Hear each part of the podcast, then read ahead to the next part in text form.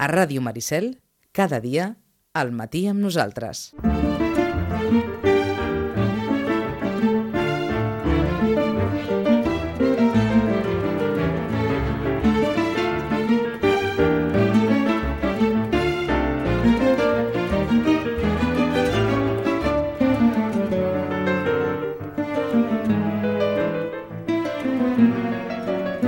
Onze i 24.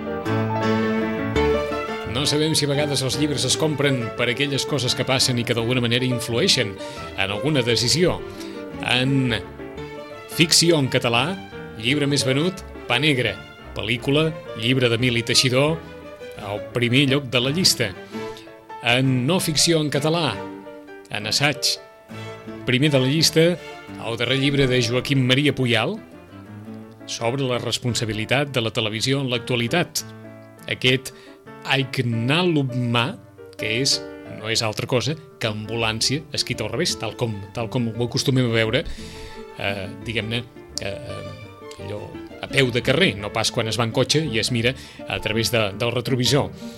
Amb no ficció en castellà, la Rosana ens ho havia apuntat, el llibre de Stefan Hessel, d'aquest francès amb una vivència personal veritablement per, per escriure, amb 93 anys, Indignaos, que ha sortit ja en la seva versió en català, però al primer lloc de la llista de no ficció en castellà.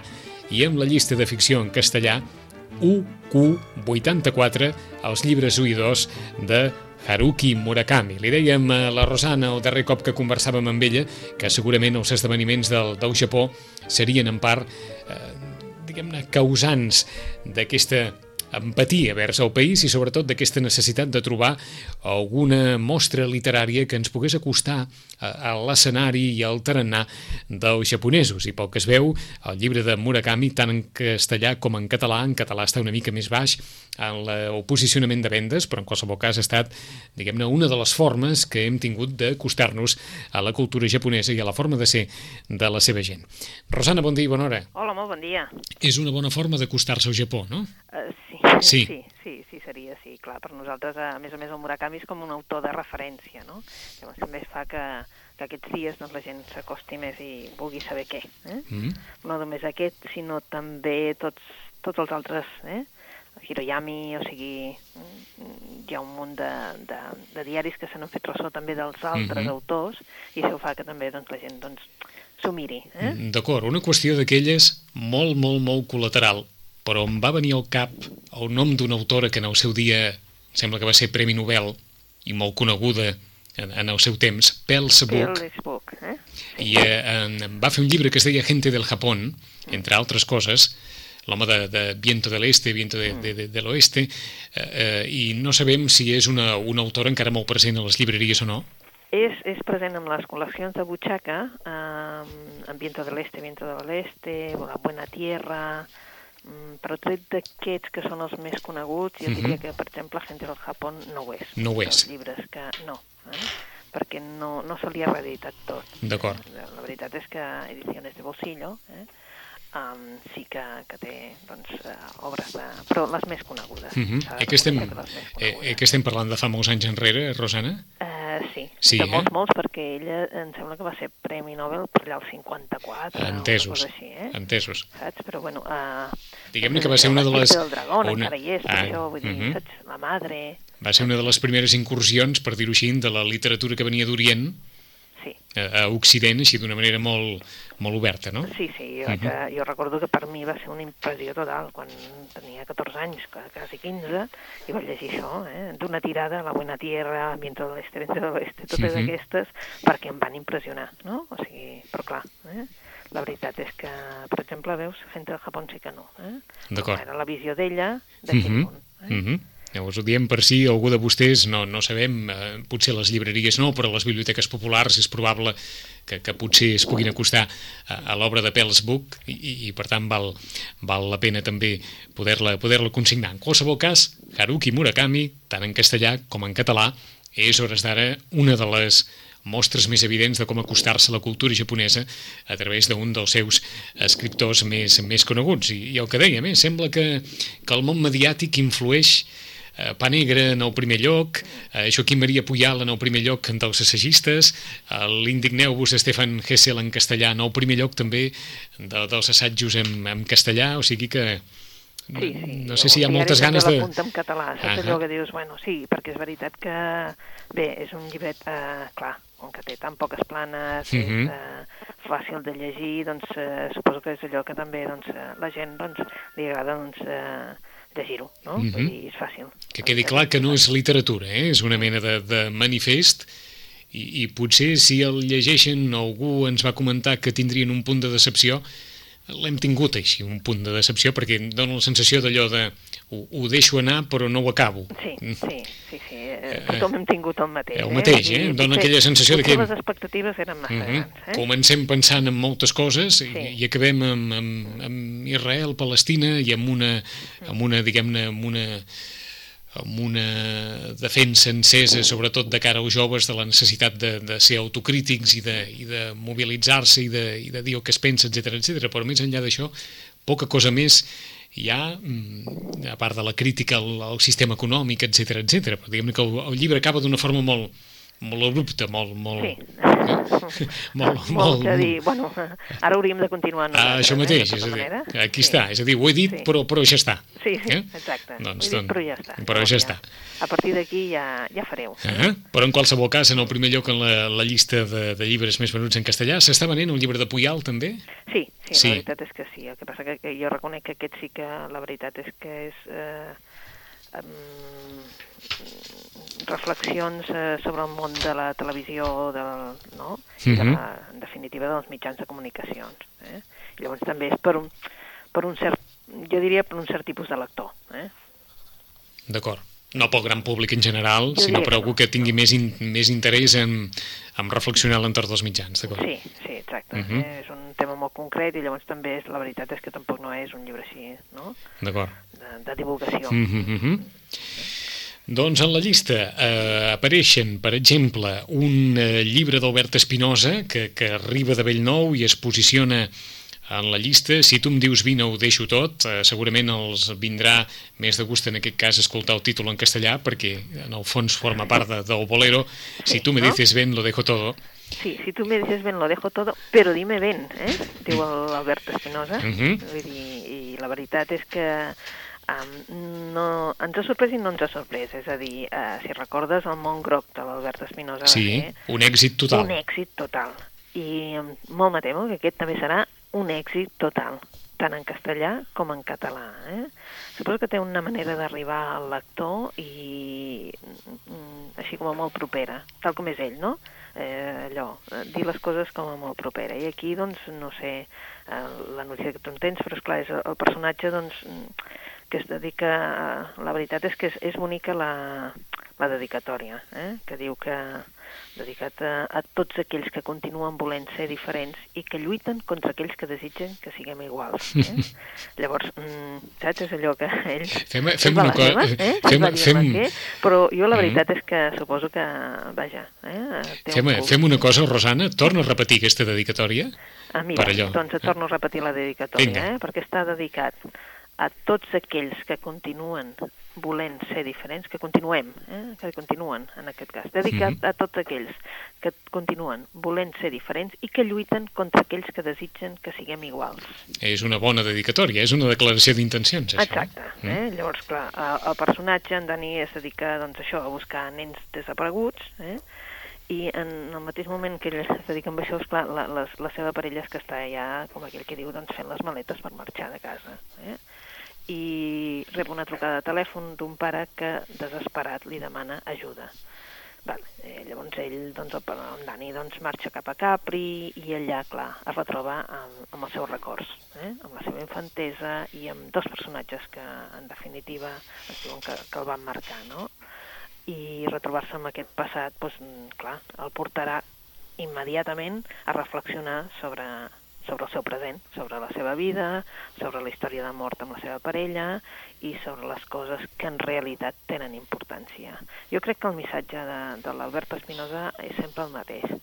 Reflexionar sobre allò que té importància de debò. Mm? I de, el que ens interessa en aquesta vida, o el que ens hauria d'interessar, eh? les coses que realment són importants. Eh?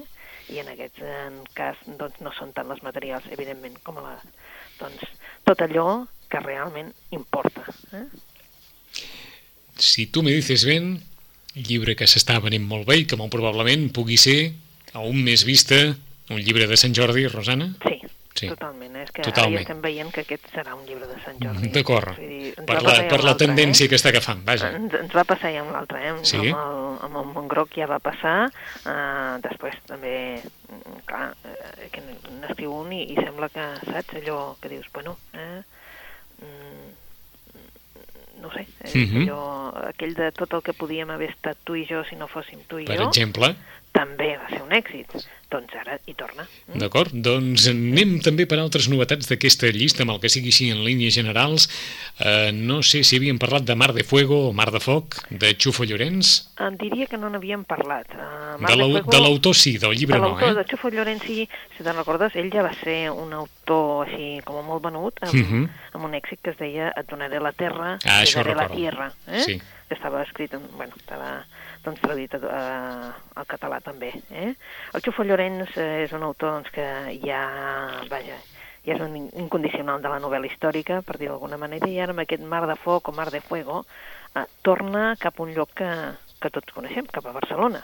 I és la Barcelona del segle XI, eh? una Barcelona doncs allò, eh? de nobles, de, també de servents, i evidentment com ho ha de fer? Doncs amb una història d'amor, d'ambició i de venjança. I Mar de Foc doncs, re- recrea aquesta època mitjaval de Barcelona, que hi ha doncs, un acord i allà doncs, hi ha, clar, eh, l'associació del, del comte Ramon Berenguer I. Mm, mentre eh, Martí Barbany, que és el, un, un navier i, mm, que posseix una de les grans fortunes, diguéssim, del comtat de Barcelona, s'enfrenta als amors de la seva filla, que estan fatalment marcats per la diferència de classes. I llavors, clar, doncs aquí ja hi ha una venjança, una venjança que, bueno, que amenaça la seva vida. Mm? El Xufo Llorenç, eh, la veritat és que és d'aquells que, que els editors n'hi diuen d'allò de, de passar pàgina, eh? Vull dir, vull dir, perquè és d'aquelles novel·les que vas passant, vas passant, vas, vas passant a pàgina i estàs trobant-te dintre de la, de, De l'acció. creació de la ciutat, eh? Bé, eh, tractants d'esclaus, prostitutes, cortesanes, servents, musulmans, cristians, nobles, de tot. Eh? I llavors el que fa és el retrat d'uns anys foscos, potser, que van sellar el destí de, de, de Barcelona i, en definitiva, doncs, mm, la veritat us haig de dir que tam, tots aquells que s'han llegit Te daré la tierra eh, els ha agradat, els ha estat una gran sorpresa veure's una entreobra del Xufo Llorenç. Mm -hmm. Per tant, recomanable així d'entrada aquest Mar de Foc també? També. També. També, per als amants de novel·la històrica i sobretot, eh, saps què passa? Que el Xufo Llorenç i, per exemple, Jorge Molís, que també ha tret novel·la nova, Mm -hmm. eh, el lector el que està agraït és que és una recreació de, de, del seu imaginari, és a dir, és Barcelona, en altre cas és Llafranc, o sigui, tots els noms són la nostra història, amb la qual cosa, doncs... Eh, és també, molt fàcil identificar-se, no? Exacte, t'identifiques i a més a més agraeixes doncs, conèixer una mica més la història de, a través d'un altre punt de vista, no? Mhm. malgrat que tothom sap que és novel·lat. Eh? Havíem parlat de Natura quasi morta de Carme Riera? No, No. que no, no n'havíem parlat encara, és Perquè que ja havíem... veus lle- que hi ha tanta novetat. Eh? Per, per això mateix, hi havíem llegit que Carme Riera, ara no recordo si la frase és exactament així o no, o no però va declarar que no tornaria a escriure mai més eh, novel·la d'intriga, per dir-ho d'alguna forma, o relacionada amb el món, diguem-ne, de policíac. Sí. Va sí. per aquí? Sí, Sí. jo ho havia llegit, però pensat, bé, eh? se'n diu, doncs, eh? eh? Perquè, clar, l'autora ens posa una nota en la novel·la que diu que el 13 de novembre de 2007, entre Barcelona i Sabadell, va desaparèixer un estudiant d'Erasmus, el Romain Lanutzer, sense que mai s'hagi sabut res més. Eh? Aquesta novel·la, que parteix també d'una desaparició, vol fer esment que el cas de la Nusel encara no està resolt. Eh? Llavors, bueno, evidentment, doncs, eh, hi ha agraïments a l'Andreu Martín i al González Ledesma, eh? Perquè són els que, diguéssim, han revisat o, per dir d'alguna manera, han llegit, quan no Mhm. han anat a l'original i n'hi han donat propostes. Eh? I per això ens apareix aquesta natura quasi morta. Eh? Mm, doncs precisament arran de la desaparició d'aquesta alumna de la Universitat Autònoma, eh, que era justament en plena vaga anti-Bologna, tan sols és això la primera alarma eh, de que alguna cosa estranya està passant al campus. Eh? I aquest Constantino Iglescu eh, s'ha volatilitzat. En aquest cas eh, és el personatge de, de llibre, diu Constantino eh, Ilescu, eh, i que la veritat és que ha aparegut. I per aquí d'aquí ja us ho podeu imaginar, Mossos d'Esquadra, professors, eh, amics, tots esforços per, fer, per trobar un, rostre, eh, un, un rastre que els porti cap a, cap a bé, cap a, què ha passat amb aquest noi, eh? Mm -hmm. Però aquí la Carme Riera el que fa és doncs, fer desaparèixer una altra persona, amb la qual cosa doncs, ja comencem amb aquells jocs d'assassinat, de, de víctimes, de sospitosos, i tot es multiplica. Eh? Mm.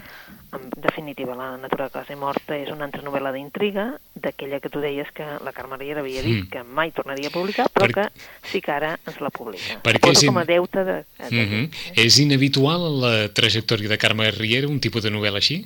No massa. No massa. No massa, eh? Havia escrit alguna cosa d'intriga, si te'n recordes, però no massa. Ella va combinant, eh? I bé, la sorpresa ha estat que no esperàvem una novel·la de Carme Riera ara, mm -hmm. i mira, eh? D'acord, com en el seu dia també va cridar l'atenció que Carme Riera es fiqués dins d'un tipus de novel·la més aviat irònica o més aviat com... Sí, com, sí eh? com... Dir, la veritat és que la seva trajectòria també hem de dir que és molt llarga, eh? Mm -hmm. i amb la qual cosa, clar... Eh, Hi ha propostes de tota mena. Sí, eh? si recordes, clar, és que en l'any 75 va ser trencador amb Tadeix Amor la mar com a penyora, eh? Vull dir, suposo que també era el mm. moment, no? Mm. Va ser una novel·la trencadora. Eh? És que estem parlant de fa molts anys enrere, de és evident, molts eh? anys, de fa molts anys. Una, una, una de les trajectòries bueno, més llargues, ser, eh? eh? Mm -hmm. ser, realment aquesta obra es continua reeditant, i això sí que és un èxit. D'acord. Any, de l'any 75 es continua reeditant la Mar com a penyora, que es publiqui ara en col·leccions de joves i que la puguin encara trobar, sí. això sí que és un gran èxit. Eh? Mm -hmm. Perquè ens en trobaríem fins i tot molts autors, eh? diguéssim, amb un molt de nom que, sí. que no trobem les obres. Eh? D'acord, perquè es pot trobar, per exemple, no sé, reeditat, ja que estem parlant dels 70, que va ser aquella època també tan floreixent, mm. amb, amb moltes coses, eh, eh, l'any que va morir Marilyn de, de, de Terence Simons també es pot trobar o no? Mm, doncs ara ens posaríem en un compromís perquè seria una mica difícil. Ho dic perquè hem passat aquella etapa, o vam viure aquella etapa, mm. en què per cada Sant Jordi hi havia un llibre de Terence Simons sí i fins i tot sembla... un dia hi va haver un dia, el mateix dia de Sant Jordi es va mm -hmm. repartir. Eh? Ho, ho dic perquè sembla que, haguem, que hagi sí. passat un munt de temps, no? Sí. I tampoc fa tant de temps d'aquest Sant Jordi en què, en què diguem-ne, més o menys cada any queia Exacte. una obra de Terence Moix, està relacionada amb Egipte, amb el món del cinema o amb, o, o amb, o amb la pròpia personalitat de l'autor, no? Sí, la veritat és que les editades en castellà, eh, almenys en butxaca, sí que es van reeditant constantment, eh? Perquè, en... doncs, sobretot les d'Egipte. Eh? Uh -huh. um, el català costa Poca cosa. una mica més. D'acord. Suposo que la producció tampoc no era... Si te'n recordes, a partir sí, d'un sí, no, moment va, sí, no, va, ser... cap, al, cap al castellà i això va fer que, doncs, doncs bé, doncs, uh -huh. eh, potser en castellà doncs, tenen més, no?, projecció en el sentit de que la possibilitat de que arribar a més gran públic i també pels anys, suposo que també la gent no el llegeix més en castellà. D'acord, s'incorpora també a la, a la llista, però eh, aquí ens aniria molt bé eh, allò que moltes vegades els ferits eh, diuen quan es refereixen als traductors. Dona Leon en castellà és Testamento Mortal. Sí. Dona Leon en català és Conclusions Preliminars. Res a veure una cosa amb l'altra res a veure el títol hauríem de donar uh, la raó amb els catalans eh? per què? per, perquè aquest és el títol original. Aquest és el títol original. Sí. sí Conclusions sí, preliminars. Sí, eh? vull dir que... És que ho vaig mirar l'altre dia. D'acord, d'acord. Eh? És que això de, això de Testament Mortal sona novel·la de, de segona, eh, o, o a telefilm televisiu de diumenge a la tarda, sí. eh? Testamento Mortal. Testamento com... Mortal, no? I a més a més sona a, a, a, més, a més un autor. La, la, eh, per això, saps? per això. Vull dir uh -huh. que, i llavors dius, bueno, per què l'han... Doncs no ho sé, tampoc no sé les raons, la veritat és que, que no, no sé per què li han posat aquest títol, però sí que, eh, la veritat, al mirar-ho, saps? Vaig veure que uh -huh. realment el títol era els, els de català. D'acord, ho diem així perquè ningú no es confongui, és la mateixa novel·la, eh? Sí, sí, de vegades ens confonem, eh? Ja Mm. n'hi ha dos, com a mínim dos o tres de la Dona León que eh, tenen diferent títol en català i en castellà. D'acord. I no sé, vull dir, la veritat és que aquesta no, no ens ha donat temps encara de mirar-la i és cert que eh, sabem segur també que, clar, quan surt la Dona León ja mm, ja apareix en les llistes, Mhm. ja té un públic que, que la segueix i la veritat és que, com que és tan curiós, a més a més ara, eh, justament ahir va sortir a la mesa com Brunetti. Eh? O sigui que, eh, per si de cas, o sigui que aquesta sí que és una dona León que ens parla, ja ho sabeu, del comissari Brunetti, Sí. etc etc. doncs ahir va sortir un llibre que és a la mesa com Brunetti, que a ella doncs, eh, ha fet unes receptes. Eh? Ah, és un llibre de receptes de cuina? Sí, sí, sí, sí, no té res a veure amb... Eh, No, D'acord. amb el món de la cuina. Però és a dir, les receptes que li poden agradar al comissari. Sí, i diria que, a més a més, doncs, també eh, doncs, situat a Venècia, no? Vull dir, Mhm. eh, exacte. Eh? Rosana, mira que s'aprofita tot, eh, dels personatges literaris. Oh, no, no, vull dir, No, és no, així. està clar, està clar. És així. Eh? Vull dir que va arribar així, saps allò que te'l mires, encara no has tingut temps ni de col·locar-lo, no hem tingut temps, Mhm. però sí que vaig veure i vaig veure que no, no, no, no és novel·la, sinó una obra de no ficció. D'acord, i- potser, potser un dia d'aquests ens desapareixerà. Mhm. Tres quarts de dotze i quan encara respira l'estela de l'olor de Colònia, probablement la casa cantonera de Sílvia Alcántara serà també un dels llibres de Sant Jordi? Sí, sí, Sí. sí. I aquest serà, aquest és molt curtet. I, i quan diem curtet és, és que molt curtet, o sigui, comparat amb, amb l'altre, doncs Mhm. eh, és molt curtet. Sí, serà un dels llibres eh, de Sant Jordi, eh, recordem que a més a més s'ha fet la traducció al castellà de, de Olor de Colònia, eh? Sí. o sigui que també és veritat que ara està no té res a veure les ventes en català i en castellà, és evident, però sí que és la possibilitat per tots aquells doncs, que no, d'una certa edat però que no estan acostumats al català i que els hi voldria, que, que estaven interessats en la història. Entesos. Doncs, eh, els hi han fet això, traduir-lo perquè així doncs, puguin eh, llegir l'obra. Mhm. I O sigui que doncs, la... molt probablement aquest Sant Jordi conviuran els dos llibres. Sí, Sí. sí, sí, totalment. Eh? La casa cantonera i l'olor de colònia encara conviuran. És evident que la pila es veurà més de, de casa cantonera. Eh? És un llibre primer, és un llibre doncs, que, bé, que la seva autora també n'ha fet bastanta promoció. Uh, ens ha costat una altra vegada amb una història no, de la seva padrina, etc etc de coses. I per tant, uh, és una història com a, no? de relacions humanes i jo crec que és uh, vaja, mm, una, una de les novel·les que també es Mhm. vendran aquest Sant Jordi. Eh? Abans de les recomanacions, ens deixem alguna novetat d'aquelles fonamentals?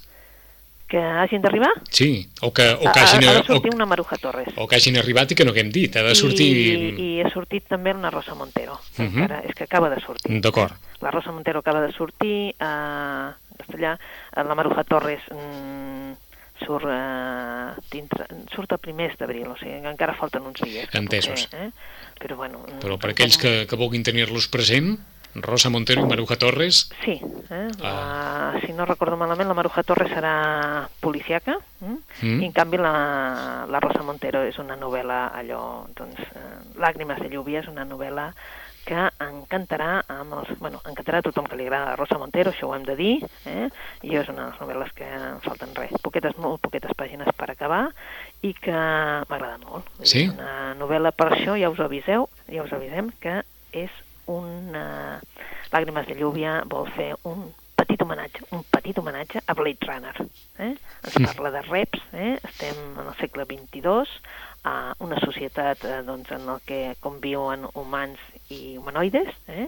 els reps o replicants, i per tant per això dic que és un homenatge a Blade Runner, i bé, doncs els, mm, tu de seguida veus quins són els, els replicants, els reps, perquè només es diu reps en el, la novel·la, Mhm. i veus també doncs, una societat en la que, evidentment, eh, doncs el que impera són les màquines, no? O sigui, tot funciona, els ordinadors funcionen per veu, tot està robotitzat, etc etc. una visió, què? Mm, eh, no sé si dir molt positiva, poc positiva, eh, eh, Diguem-ne que diferent? diferent? Diferent, D'acord. diferent. Sí, sí, el que passa és que, a veure, encara hi ha moltes coses que, que encara hi ha, eh? És a dir, que Ho, ho dic per si és aquella visió del món inanimat o, o no. O, No, no, no, no, vull dir, no. encara, encara, doncs... Hi ha sensibilitat, hi ha, hi ha encara, encara hi ha emocions. humanes, encara hi ha amics, i el que importa de debò és la memòria. D'acord. És a dir, que com que ells no tenen una vida, els reps tenen una vida molt curta, mm? i tenen una memòria que és una memòria artificial, és un xip, no? Doncs alguns fins i tot hi ha tràfic de, de memòries, perquè en definitiva el que ens, el que els diferencia és aquesta memòria, però una memòria, diguéssim, de coses viscudes que nosaltres tindríem, els humans, i que uh -huh. ells no tenen, perquè al tenir tan poca vida, doncs, bueno, doncs, fins i tot doncs, aquelles petites coses de dir, tu te'n recordes del teu cinc de quan, per exemple, va fer la primera comunió, que no, això ja no tocaria llavors, però vull dir, o per exemple de coses que tu tens, no?, del teu primer cotxet, quan van regalar la teva primera joguina, uh. -huh. allò, no?, quan regalaven els reis, tot això tens una sèrie de fotos, una sèrie de coses, això, clar, ens distingeix, eh? ells no ho tenen. Eh? D'acord. Però Doncs, vaja, eh? una novel·la també que atrapa el lector. Làgrimes de lluvia de Rosa Montero, acabada de sortir i en espera eh, la nova novel·la de Maruja Torres, eh, centrada en el, en el món de la novel·la policiaca. I si hem de fer uns quants suggeriments, Rosana, en aquests 10 minuts fins als 12, per on comencem? Doncs mira, hi, hi ha un llibre que em sembla que no n'hem parlat, que és un llibre que em sembla que sí que apareix en les de no ficció en català, que és Mm. Un hotel a la costa. Sí, senyora. Eh? Doncs bé, Un hotel amb molta història. un hotel amb molta història. Eh? Un hotel amb molta història, o, o és, és, la veritat és que és una història feta novel·la o una novel·la amb història, perquè està explicat com una novel·la, eh? però no ho és, perquè, és clar els personatges són reals, eh? està escrit per la Nancy Johnston, eh? i la veritat és que, bé, van, la, Ne- la Nancy i l'Archie Johnston van arribar aquí, mm? una parella jove, eh, van arribar a, a la Costa Brava, a Tossa de Mar, es van enamorar de la Costa Brava i per atzar els hi toquen diners i munten un hotel. Venen una altra vegada, busquen lloc, etc etc i s'instal·len a, a Tossa de Mar. Estem parlant de l'any 34, mm? però eh, bueno, doncs, eh, en el, la Nancy el que fa doncs, en un moment doncs, és, eh, en un moment de la seva vida, diguéssim, és començar a escriure tots, tots els esdeveniments que han passat des de que, que van començar. Mm? I tot vol dir tot, és a dir, la gent de Tossa, com eren, com eren amb els catalans, com érem en aquell moment, les festes majors, que evidentment tothom ballava sardanes, eh, la COP ens explica com, com són la copla, per, perquè això en definitiva el que volien ells és que els anglesos s'enamoressin de la Costa Brava i vinguessin cap a la Costa Brava. Ho, han, ho han fet, però no sé si amb el tarannà que esperava el matrimoni. Exacte, exacte, ara t'ho anava a dir, eh? perquè, és clar a, a l'hotel encara hi és, eh? Sí. però, clar, mm, tot el que envolta, diguéssim, que, clar, no veuen ni molt menys el que es veu en la fotografia de, de, del llibre, no? Mhm. Que, clar, ja voldríem que des d'allà eh, el que es veu és, fos tot verd i tot això. Ara no sé si La Vanguardia li va dedicar dues pàgines del seu vivir al matrimoni ensenyant precisament això que ens, que ens assenyalaves tu, la fotografia del passat Sí. i la fotografia del present, que, que l'hotel queda amb el vessant d'un d'un turó, Sí, queda, queda com a mig penjat de la muntanya, no? Sí, sí, sí, és que queda en un turó i a més a més, eh, si, si aneu, vull dir, està dintre de lo, de lo que és el recinte de l'hotel Don Juan. Entesos. I, o sigui, només sortir de la piscina, doncs hi és el d'això. La bona notícia és que el volen, diguéssim, no tocar, sinó que per dintre refer i poder utilitzar també com hotel, no? així diferent, no? Mhm. Però clar, la qüestió és que de com en, eh, veuen ells, eh, de l'enrabiada que està la Nancy Johnston eh, amb els mitjans de comunicació anglesos quan esclata la guerra i les bestieses que diuen de, de nosaltres, eh? eh, de com ella doncs, eh, va fent cartes amb els amics dient però què esteu dient, no? Què passa? La gent del poble que li diu no, no, vull dir, suposo que ara mm, ja venen els teus, no? Els teus vindran a ajudar-nos. És clar, i com es va veient que els, que els seus no venen a ajudar-nos, no? I de com aquest hotel realment doncs, es va esdevenint en la primera part és el, un hotel a la costa, la segona és el que ella va escriure un hotel en guerra, és a partir del 36, Mhm. del 34 al 36 i el segon seria del 36 al 39. A partir d'un cert moment s'acaba l'hotel, ella decideix que allò ha de ser una altra cosa i el que es converteix és un refugi de nens republicans i ell en definitiva marxarà amb aquests nens republicans cap a França en l'any 39 i és tot el periple no? des de, bueno, de tota la gent que va passar per allà tots els eh, arquitectes, pintors, etc que van passar no? i bueno, hi ha parletes no? parletes com a molt grosses com a que continuem amb aquesta parleta perquè eh, ella diu en un moment és curiós perquè nosaltres som anglesos, encara no hem après la llengua, però ens parlen en castellà quan ells són catalans. Això ho deia l'any 34 o 30. Exacte, eh? I és molt curiós perquè ella, ella diu l'Arxi ha decidit que prenc castellà, jo he decidit que prenc el català. Déu nhi Eh? Vull dir, són parletes que dius, Sí, home, sí. ella es va identificar aquí, Mhm. va ser, i ella no va marxar per molt que, saps, que el venien a buscar, Sí. el van venir a buscar i deien, però què s'han cregut aquests prepotents venir aquí amb un carguer a buscar-nos a nosaltres? Nosaltres som d'aquest poble ara. I com que se senten en deute amb el poble, es queden, segons ens explica Mhm. ella allà. Mm? O sigui, això era el que escrivia la Nancy, La Nancy, en aquesta doncs. Catalunya republicana, Exacte, i a l'Empordà, exactament. I eh, més molts vilatans s'adreçaven a ells en castellà, Sí. sent catalans, eh? Sí, exacte, eh? I clar, evidentment, ja te pots imaginar que el, català, el castellà devia sonar bastant, bastant malament en aquell moment. Sí, ells, eh? sí Sobretot va, ells. vaja, eh? no, i, i Eh? sobretot des del punt de vista de les comunicacions, perquè en aquells moments l'Empordà, l'any 34, Sí, bueno, eh, bueno, la història per anar fins a Tossa era Eh, eh, impressionant, eh? eh, eh, Com t'ho això- pots imaginar, perquè això- clar, això pensaves, el era- tren era havia com- d'anar fins a Mhm. Girona, de Girona a Blanes, de Blanes un autobús fins a Tossa... O com sigui una, que- com una aventura, eh, com una literalment. aventura, eh? però és molt maco perquè la gent que surt en el llibre són gent reconeguda, que, que es pot reconèixer, Mhm. saps? Vull dir, perquè ells primer van anar a l'Hotel Rovira, després són gent que, que representa que estan en el poble. Eh? Vull dir que els seus, diguéssim, descendents són del poble, Mhm. no? O sigui el que això, és això. o sigui eh? que això en el fons és un dietari personal, És com un dietari, el que passa que no està escrit com a dietari, sinó com si fos tot una novel·la, Mhm. saps? I llavors per això et dic que és una història... Ara, això sí, eh, ho hem de dir. Japó, ens traiem el barret per la traducció del Miquel Berga. Perquè jo crec que el que fa també, que saps, que sigui tan col·loquial, tan, tan com si fos una novel·la, és el Miquel Berga, que, que ha fet una traducció magnífica del llibre. D'acord. Eh? Doncs ens apuntem. Un hotel a la costa de Nancy Johnston està en el número 7 en la llista de ventes de no ficció en català. L'hotel entre el 34 i el 39 i després aquesta història de l'exili. Tenim temps per una recomanació més, Rosana.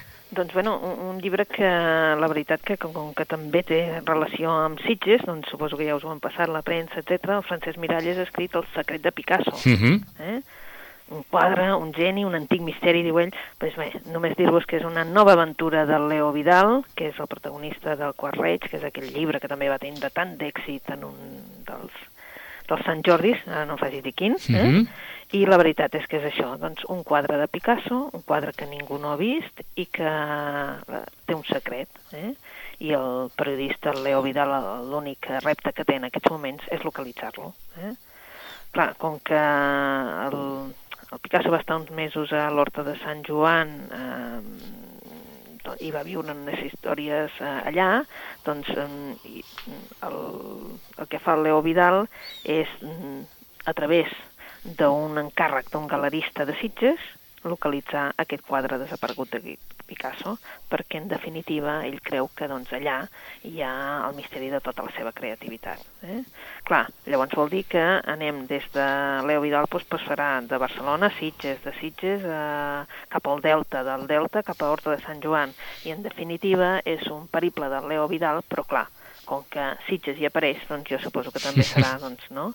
doncs un dels llibres que també la gent en parlarà. Entesos. El secret de Picasso, en el seu dia en vam fer eh, referència, segurament de cara a aquest Sant Jordi, també, per aquells que vulguin una, una novel·la en part ambientada a Sitges, a partir de l'aventura del periodista Leo Vidal, que rep l'encàrrec d'un galerista sitgetà per anar a cercar un quadre de Picasso darrere el qual suposadament s'hi amaga el secret de la seva creativitat. El secret de Picasso de Francesc Miralles, i afegim també en aquesta llista de recomanacions que ens ha deixat la Rosana, un hotel a la costa, aquest assaig, aquesta novel·la, aquest dietari novel·lat de Nancy Johnston a l'entorn d'un hotel de Tossa de Mar que avui encara eh, es pot veure i que forma part d'un complex hoteler de, de l'hotel Don Juan, en un entorn paisatgístic absolutament canviant. Més coses que val la pena també considerar durant aquests dies en les novetats i que ens ha dit la, la Rosana. Els llibres d'Haruki Murakami, pels qui es vulguin acostar a hores d'ara a, a través d'un dels exponents més evidents de la literatura japonesa, el tarannà de, de la gent del Japó, UQ84, llibres 1 i 2, que quedi clar, però, com ens diu sempre la Rosana, aquesta no és una literatura d'aquelles que, que s'hi entri molt ràpidament i es pugui llegir així d'una revolada, sinó que demana doncs una, una certa mm, tranquil·litat a l'hora a l'hora de llegir. També molt recomanat de Xufo Llorenç, Mar de Foc, Mar de Fuego, en el mar de la novel·la històrica situada a la Barcelona del segle XI. Més recomanable encara, i aquesta sí per tots els públics, com seria el cine, Si tu me dices ben, si tu em dius, vine, ho deixo tot, eh, novel·la d'Albert Espinosa, amb aquesta dedicatòria que més o menys diu a tots aquells que volen ser diferents i lluiten contra aquells que volen que siguin iguals.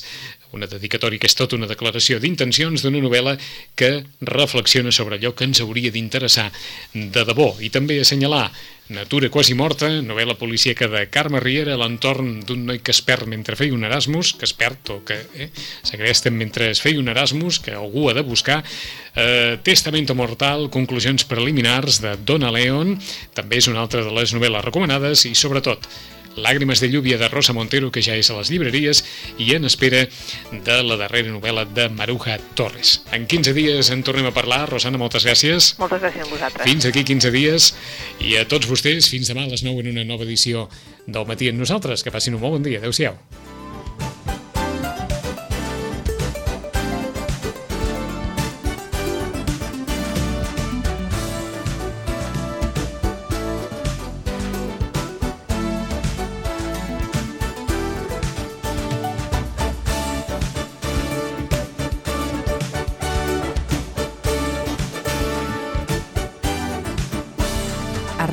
Maricel, cada dia al matí amb nosaltres.